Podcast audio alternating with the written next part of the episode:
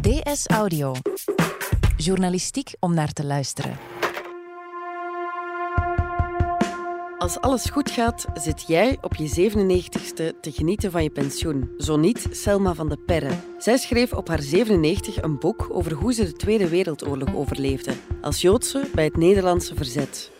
Het is donderdag 23 januari. Mijn naam is Lise Bonduel en van op de redactie van De Standaard is dit DS Audio.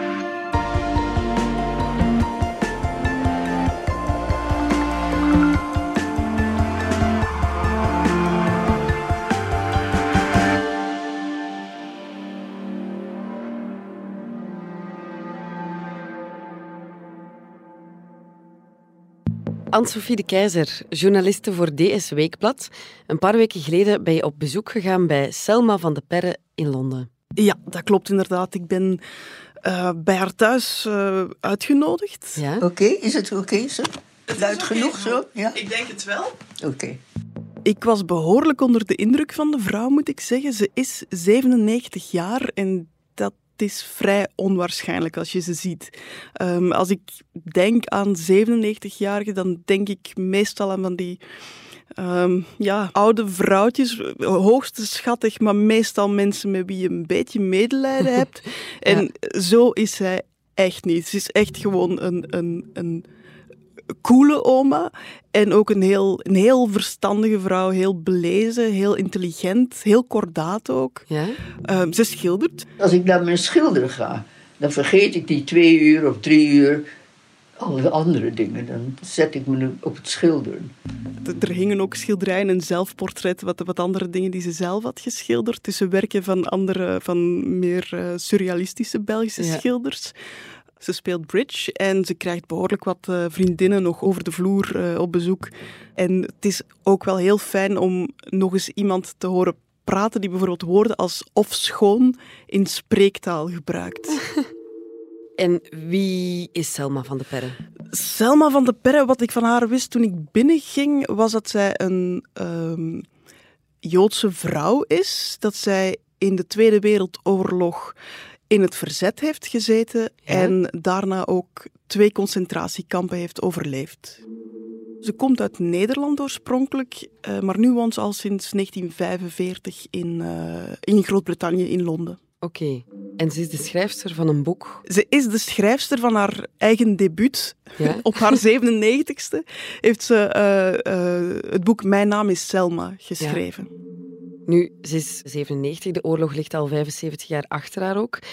Hoe komt het dat ze haar debuut nu pas schrijft? Volgens haar is het omdat ze het uh, altijd te druk heeft gehad. Mijn neefjes, neven, nu zijn in de 60, um, die zeiden: Selma, je moet het op gaan schrijven, je ervaringen. Want je bent de enige van deze generatie die nog over is. En als jij het niet opschrijft, dan heeft niemand meer uit de werkelijke mo uit de mond gehoord. Mm. Toen ben ik aantekeningen gaan maken. Aantekeningen alleen maar. Het is inderdaad wel zo dat ze een heel vol leven heeft gehad. Maar als je dan een beetje doorvraagt, blijkt toch wel dat ze bijvoorbeeld s'avonds op de vrije momenten um, durfde ze niet te schrijven. Ja. Dan kon ze niet meer slapen daarna. Dan bleef er allemaal spookbeelden in haar hoofd zitten. Maar s'avonds kon ik er niet aan werken, dan was ik thuis. Maar dat ging niet. Dat durfde ik niet. Nee, nee, nee. Als ik dat deed, dan was ik van streek. En bovendien had ze ook een, een pact gemaakt met de Belgische en Nederlandse vrouwen die uit het uh, concentratiekamp in Ravensbrück zijn bevrijd in, uh, uh, in 45, in april 45. Die vrouwen hebben toen daar en dan beslist, we gaan zwijgen. We gaan niet praten over wat er ons hier is overkomen, over al die ellende. Wij vonden dat de wereld opgebouwd moest worden. Vanaf nu willen we geen minuut meer van ons leven ver, verpesten, verprutsen aan, aan nazi's, aan, aan dit gedachtegoed. We willen uh, een positief leven opbouwen, we willen een positieve maatschappij. En we gaan niemand vertellen wat hier gebeurd is. Natuurlijk wisten die vrouwen op dat moment niet dat zij niet de enige waren in die ja. situatie. Zij wisten niet wat er in de andere concentratiekampen was gebeurd. En we wisten dus helemaal niet wat er gebeurd was. Dus al die andere kampen en al die andere landen. En konden dus ook niet weten dat, dat zwijgen natuurlijk nooit een optie zou ja, zijn. Ja, we waren dus afgesloten geweest van de wereld, van, van de mensen in de wereld. Haar boek heet Mijn naam is Selma, maar tijdens de oorlog heette ze Margarethe van der Kuit. Margaretha van der Kuit. Ja, klopt. Margaretha of Marga van der Kuit, dat was een schuilnaam die ze heeft aangenomen in 1943. Ja. En dat was een, een, een, meisje, een babytje, die heel jong gestorven was. En uh, Selma heeft dan die identiteit overgenomen. Wat ook goed met mij was, is dat ik, ik ben opgegroeid, en dat werd ook geschreven in het boek, um, zonder de Joodse leer of zonder de Joodse godsdienst. Selma was Joods en Marga was niet Joods. En um, dat heeft dus ook geholpen, denk ik hoor. Zeker om het makkelijker te maken dat ik Margarethe van de Kuit werd. Ze is bij het verzet terechtgekomen. Um, waarom heeft ze dat risico genomen? Ja, dat was natuurlijk een, een geweldig risico, sowieso om bij het verzet te gaan, maar om als Joodse bij het verzet te gaan was misschien nog wel een dubbel risico. Um, het was op dat moment zo dat haar moeder en haar zusje waren ondergedoken. Dus bij een gezin dat eigenlijk, ja, door het feit dat zij onderduikers in huis namen, nam dat gezin al risico. En Selma ontdekte dat heel veel mensen eigenlijk risico's namen en, en veel deden voor de goede zaak. Nou, ik vond dat zoveel andere mensen zoveel deden. En ik voelde het bijna toen al als een plicht. Dat toen zei ik, kan ik helpen? En zo is het gebeurd. ja. En wat moet ze dan doen? Wel, haar voornaamste werk bij het verzet was eigenlijk, zij was koerierster. Ik was koerierster, ja. Dat was mijn eerste baantje eigenlijk. Het uh, begon vooral met het uh, rondbrengen over het hele land van, van pamfletten, van een verzetsblad. Uh, ja, zo de, de verzetspers, eigenlijk de illegale pers bracht zij rond. Daarna uh, ging het vooral over vervalste identiteitsdocumenten die zij moest bezorgen aan, aan mensen in nood, over voedselbonnen. Um, vooral papieren, geld ook. En af en toe hielp ze ook wel wat bij het vervalsen van bepaalde papieren. Maar het eerste wat ze gedaan heeft, was eigenlijk, ja, ze heeft een, een ik weet niet hoe ik het moet zeggen, een, een baby gered ja. eigenlijk, maar je zou ook kunnen zeggen, ze heeft een baby helpen ontvoeren. Haar nicht was bevallen in een Joods ziekenhuis. Ja. En ja, Selma wist, iedereen van het verzet wist, dat, dat kind is ten dode opgeschreven. Dat gaat niet overleven, we moeten iets doen. En Selma kreeg de opdracht om haar nicht, om die vrouw zo lang mogelijk aan de praat te houden na de borstvoeding zodat iemand anders uh, met een verpleegsteruniform aan dat kind uh, zogenaamd naar een, naar een plaats in het ziekenhuis kon brengen, naar, naar de zaal waar de baby's lagen, maar die baby gewoon kon uit het ziekenhuis sluizen en zo van de, van de moeder wegnemen, want de moeder wist op dat moment van niets. De heleboel van de moeders die wilden die kinderen niet afstaan, Uiteraard. omdat ze niet wisten wat er ging gebeuren. Mm -hmm. Dus ik moest daar praten met haar. Ja, ja, ik herinner me dat heel goed, ja. Ja. Later werd het er verteld, maar toen was het kind al weg. Hmm.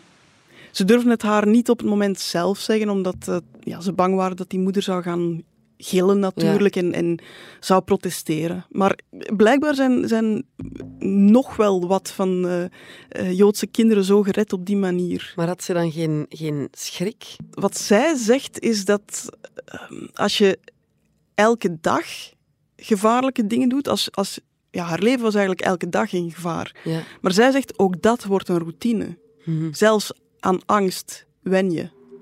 Tegen die tijd was ik gewend om de angst weg te duwen.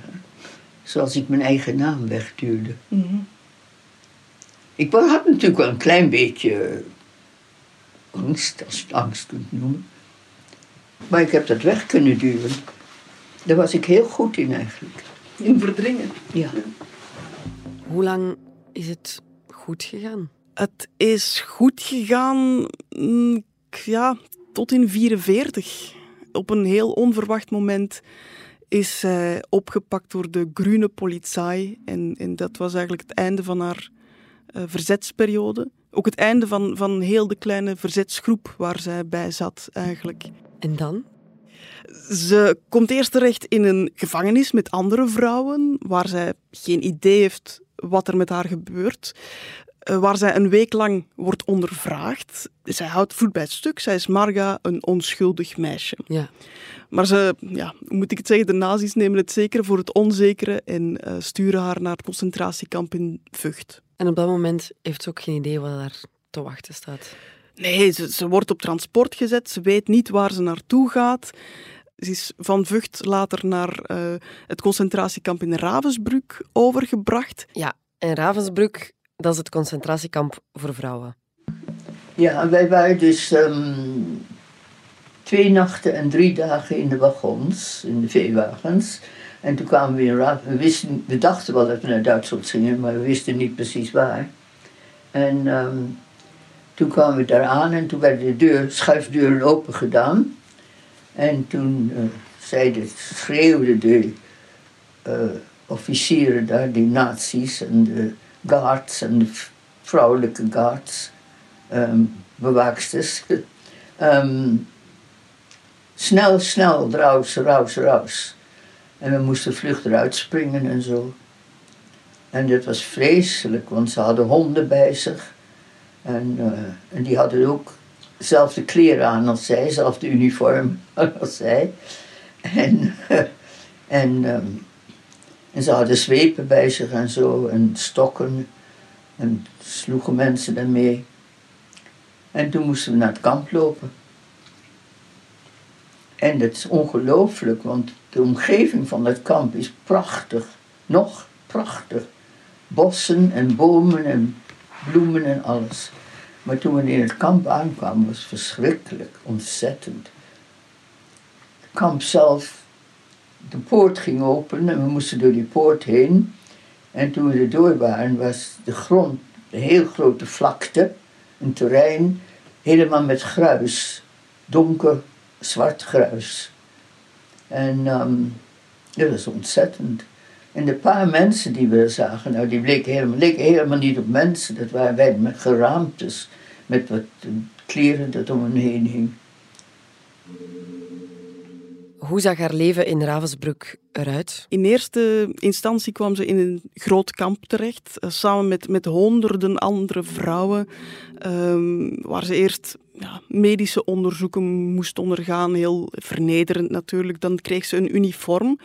Problematisch al, want uh, op dat moment waren er al zoveel mensen in Ravensbrück dat er niet genoeg kleren meer waren. Er waren geen jassen meer. Dus ze krijgt alleen maar een, een jurkje. Waar ze daarna ook uren mee op appel moet staan in de sneeuw, met enkel maar een jurkje aan. Uh, wat ze daar te eten krijgt is voornamelijk een, uh, ja, wat daar soep wordt genoemd en in ja. werkelijkheid een kom water met wat grasprietjes of in het beste geval kleine stukjes kool is ja. en een dun sneetje brood. Ja, ze deelt een stapelbed met zes, zeven andere vrouwen. Ze ziet de andere vrouwen heel veel zwaar werk verrichten, ook vaak nutteloos werk dat eigenlijk meer als foltering dient dan echt nuttige echt, arbeid ja. is. Um, zij slaagt er op een bepaald moment in om ja, in een iets, iets betere situatie, uh, ik zeg het tussen aanhalingstekens, te komen. Zij gaat voor Siemens werken. Dus de, de, ja, het merk Siemens had een, uh, een, grote fabriek gevestigd vlakbij het concentratiekamp. En zij was een van die Siemens-slaven zij wist zelfs niet wat ze daar precies moest doen. Iets solderen. Uh, ze denkt vliegtuigonderdelen, maar het is haar nooit gezegd wat het precies was. Er was de ondervoeding. Ze was heel erg uitgeput. Ze kreeg tyfus, dysenterie. Uh, ze, werd, ze is een paar keer echt heel ziek geweest. Ja. Eén keer toch op sterven na dood uh, geweest. Ze is ook een paar keer echt verrot geslagen, bewusteloos geslagen. Eén keer omdat ze niet snel genoeg van het toilet kwam. Nu, als je aan tyfus lijdt, ja. dan is het moeilijk te plannen, denk ik. Maar ze was dus niet snel genoeg op haar werk en dat, dat werd dan afgestraft met een, uh, een lederen riem met metaal. Elke reden was goed. Absoluut, uh, elke ja. reden was goed. En ja, wat verschrikkelijk moet zijn, is dat zij niet wist wat er haar nog stond te gebeuren. Er, ja. er gingen allemaal geruchten door het kamp. Uh, ze hoorde van andere vrouwen dat er uh, medische experimenten waren. Ook, het was ook heel gevaarlijk om ziek te zijn, want de vrouwen die naar de ziekenbarak werden gebracht, kwamen zelden terug. Die waren zogenaamd dan gestorven aan een ziekte, maar die vrouwen vermoeden wel dat, dat zij daar gewoon geëxecuteerd zijn Ja, of, ja, ja. of vergast zijn. Of, eh, Waren daar gaskamers?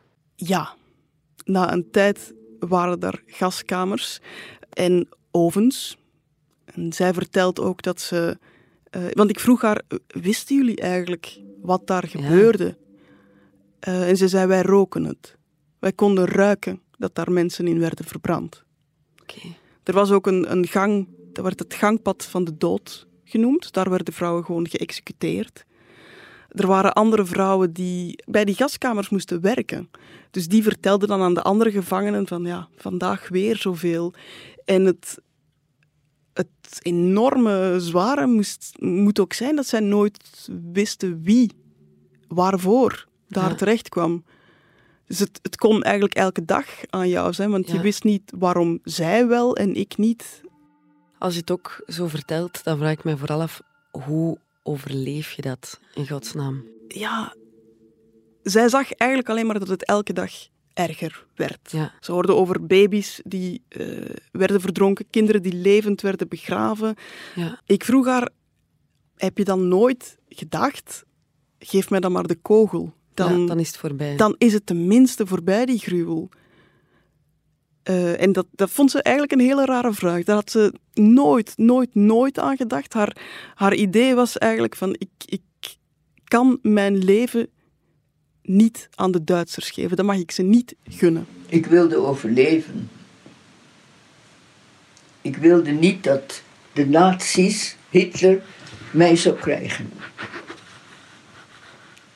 Ik moest overleven. Uiteindelijk is ze dan toch uit dat kamp geraakt. Hoe is het haar dan gelukt? Ja, dat, dat is echt een bizar verhaal hoe zij uit dat kamp is geraakt. Ehm, op een bepaald moment is zij met alle Belgische en Nederlandse vrouwen die in Ravensbrück zaten, terwijl er nog heel veel andere vrouwen zaten, hè, weggebracht. Ja? Ze wandelden dan voorbij een plaats waarvan ze wisten dat daar eh, eerder allemaal oude vrouwen waren gestorven, waren omgebracht, vermoord. Ehm, ze gingen naar een andere plek en daar bleven ze dan, ik geloof, negen dagen, waarvan ze eigenlijk elk moment dachten, dit is ons einde. Ja. Maar niemand had ons iets verteld. We dachten nog steeds dat we vergast zouden worden. Want ik zei nog tegen dit, dat na al dit, dat we nou toch nog doodgaan. Eraan gaan. Maar er was niks wat je kon doen. Je kon niet weglopen, want er stonden allemaal SS'ers naast je. Op een bepaald moment worden al die vrouwen naar buiten gebracht en dan stopt een jongeman in een sportwagen cabriolet. Dat moet een heel eh, gek beeld geweest zijn op dat moment. Ik kan me niet voorstellen wat zij gedacht moet hebben op dat moment. En die man stelt zich voor, zegt: Ik ben een Zweed en Ja. jullie worden bevrijd. Het Rode Kruis komt jullie bevrijden. Straks zullen de witte bussen komen, dan kunnen jullie eh, instappen en zijn jullie vrij. Ongelooflijk, hè? Ja, ja, ja. ja ik, ik zie dat nog voor me, dat autootje. Zoiets als mijn zoon zijn sportwagen daar. Weet je? Een sportwagen cabrio. Cabriolet, ja. En dan sprong hij uit. Je zo echt sprong eruit. ja. We wisten niet wat we zagen natuurlijk. Wist Selma op dat moment dat ze dan uit dat kamp kwam, wat er met haar familie was gebeurd? Nee. Nee, nee, op dat moment had ze daar totaal geen idee van. Ze wist niet wie er nog in leven was, ehm, waar ze waren. Nee, absoluut niet. Waar is ze dan beland? Ehm, ja, in eerste instantie is zij eh, via Denemarken in Zweden beland. Daar heeft zij even voor de ambassade gewerkt. Zij hielp, ehm, ja, om, om, zij hielp met de administratie om de andere mensen terug naar, eh, naar Nederland te brengen. Ja? eh, op het vliegtuig te zetten. En zij zette zichzelf eigenlijk als laatste in de rij. Ehm, zij komt terug aan in Nederland, in het station Amsterdam Centraal. Daar staat niemand op haar te wachten. Na jaren haar familie niet meer te zien, is daar niemand.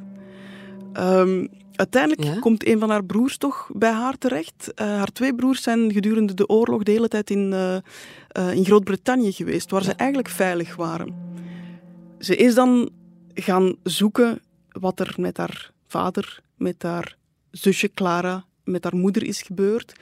En dan hebben ze op lijsten gevonden dat die allemaal uh, gestorven zijn. Haar vader is in uh, Auschwitz overleden en haar zusje en haar moeder in Sobibor vergast. Ja, ja als, je, als je dat allemaal meemaakt, hoe zag haar leven eruit na die oorlog?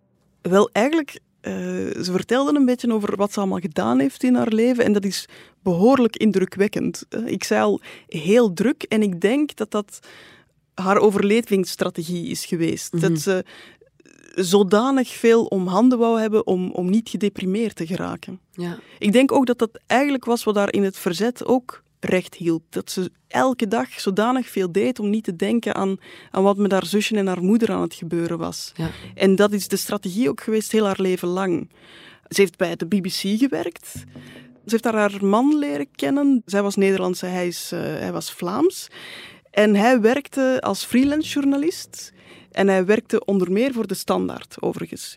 En zij is uh, na een tijdje ook beginnen schrijven voor het, uh, voor het Nieuwsblad en toen het Volk. Ja. Zij heeft eigenlijk een heel rijk leven met hem gehad. Uh, heel veel premières van films, theater. Zij heeft zelfs Charlie Chaplin ontmoet.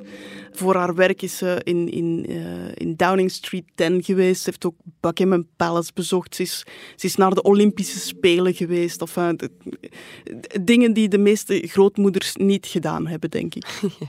en hoe is haar uh, gemoedstoestand? Ze is... Um, kranig is een behoorlijk understatement. De eerste tien jaar heb ik erg moeite, veel moeite gehad eigenlijk. Met en waar, waar had u? Nou, dat alles naar voren kwam. Mijn ouders, een zusje. Meer, meer nog van dat dan van wat ik zelf meegemaakt had. Maar toch, beide dingen kwamen. Mijn man zei, dat wist ik niet hoor, mijn man zei dat ik vaak schreeuwde. Tijdens het slapen? Ja. Ze zegt dat ze nog elke dag blij is dat ze leeft. Ze heeft een klein beetje spijt. Ze is in november moeten stoppen met uh, golfen. Ze is 97 jaar en het werd een beetje te gevaarlijk voor haar lichaam. Dat vond ze dan wel heel jammer. Toen we er waren, stonden haar golfclubs ook nog uh, midden, midden in de living eigenlijk. Ja, en gelooft ze nog in de goedheid van de mens? Vreemd genoeg wel. ja, ik vond het vrij onwaarschijnlijk. Nou, ik geloof toch altijd nog dat de mens, de meeste mensen goed zijn. Ik denk dat het maar een klein deel is dat echt slecht is van karakter. Maar dat die een heleboel mensen dom zijn als ze erachteraan lopen. Dat, vind ik, dat zeg ik altijd tegen de jonge lui. Denk over na als je iemand ontmoet die idealen heeft, wat het is. Probeer jezelf uit te leggen wat het is en of je er wel echt in gelooft. En niet alleen maar erachteraan lopen, omdat anderen erachteraan lopen. Mm. Dat vind ik heel belangrijk. Ik vond dat ze totaal niet verbitterd overkwam, helemaal niet. Maar zij zei dat ze het eigenlijk wel is. Ik voel het wel. Mm. Misschien is er een ander woord dan verbittering. Ik, ik, ik ben misschien zelf niet verbitterd, maar ik ben verbitterd over het feit wat er gebeurd is. Mm. Ja, de vraag die ik stelde was eigenlijk wat overheerst? Wat weegt het meeste door de trots uh, op wat je gedaan hebt, wat je hebt kunnen doen ja. uh, in het verzet, of de verbittering om het verlies? En dat was voor haar heel duidelijk het tweede. Nee, dat ik meegeholpen heb, is, ik ben maar één van heel veel mensen eigenlijk. Er zijn veel mensen die geholpen hebben. En een heleboel zijn er door dood gegaan. Vermoord. En het is nog altijd zo, ze is nu 97, dat ze nog elke dag denkt aan die moeder en, en dat zusje. Ja. En, en aan haar vader. En ze beeldt zich dan in, want ze weet natuurlijk niet precies hoe het is gegaan. Dus ze beeldt zich dan in wat, zij, wat hun laatste momenten waren. Ja. Doet ze iets met uh, alles wat ze heeft meegemaakt? Dus in, in 1995 is ze voor het eerst teruggegaan naar Ravensbrück. Mhm. Om daar aan jonge mensen, aan studenten te gaan vertellen wat daar allemaal is gebeurd.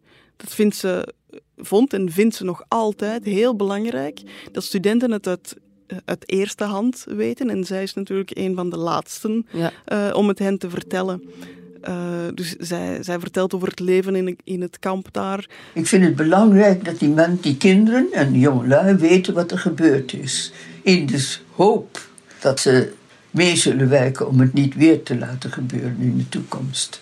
Ik zeg ze dan dat ze al moeten beginnen met niet zoveel ruzie te maken. En, en geen haat te hebben tegen iets wat een beetje anders is dan zij. Ze gaat nog elk jaar terug naar Ravensbrück. Vrienden zeggen, waarom ga je nou toch er naartoe op jouw leeftijd? Eh, maar ik vind het nog noodzakelijk, zolang als ik kan, doe ik het. Misschien de laatste keer nu, maar uh, ik vind het noodzakelijk. Ze vindt het een, een heel belangrijke missie en, en vandaar ook het boek natuurlijk. Ja, Anne-Sophie de Keizer, dank je wel. Dank je wel. Dit was DS Audio. Wil je reageren? Dat kan via dsaudio.standaard.be. In deze aflevering hoorde je Anne-Sophie de Keizer, Selma van de Perre en mezelf, Lise Bonduel. De redactie gebeurde door Robbe Klaas, de eindredactie door Anna Korterink. Joris van Damme deed de audioproductie. Brecht Plasgaard schreef de muziek die je hoorde in deze podcast. Chef audio is Wouter van Driessen. Vond je deze podcast interessant? Weet dan dat je er elke werkdag één kunt beluisteren. Dat kan via de DS Nieuws app of via standaard.be-audio. Je kunt je ook abonneren via Apple Podcast, Spotify of de podcast app van je keuze. En als je daar dan toch bent, schrijf gerust een review. Zo toon je ook anderen de weg. En we vertellen met de standaard natuurlijk niet enkel in onze podcast over wat er in de wereld gebeurt. We doen dat ook in de krant en online. Benieuwd naar een abonnement? Ga dan zeker eens kijken op standaard.be-voordelig. Daar ontdek je ons aanbod en onze promoties. Morgen zijn we er opnieuw. Hey, ik ben Wouter, chef audio van De Standaard. Tweeënhalf jaar geleden maakten we een eerste podcast met De Standaard. We deden dat in een klein hok hier op de redactie, een soort veredelde kleerkast eigenlijk. Telkens als we wilden opnemen, moesten we eerst op een tafel klimmen om de thealampen uit het plafond te halen, want die zoemden en dat hoorde je in de opname. Niet geweldig praktisch. Die fase die zijn we gelukkig voorbij. Al had het ook wel iets. We hebben de voorbije 2,5 jaar voortdurend aan onze podcast gesleuteld, heel vaak op basis van de mails die jullie ons stuurden. Die waren ontzettend waardevol en die zijn dat ook nog altijd. Dat sleutelen aan onze podcasts, dat willen we blijven doen. Op standaard.be-onderzoek loopt daarom een enquête, waarin we peilen naar advertenties in podcasts. Hoe staan jullie daar tegenover? Ook dat willen we graag weten, zodat we ook daarin stappen kunnen zetten. De enquête loopt tot 23 januari. Dus surf even naar standaard.be-onderzoek, vul de enquête in en misschien win je draadloze oortjes. Heel erg bedankt alvast, ook voor het luisteren en voor het mailen. Blijf dat doen, want jullie feedback helpt ons echt.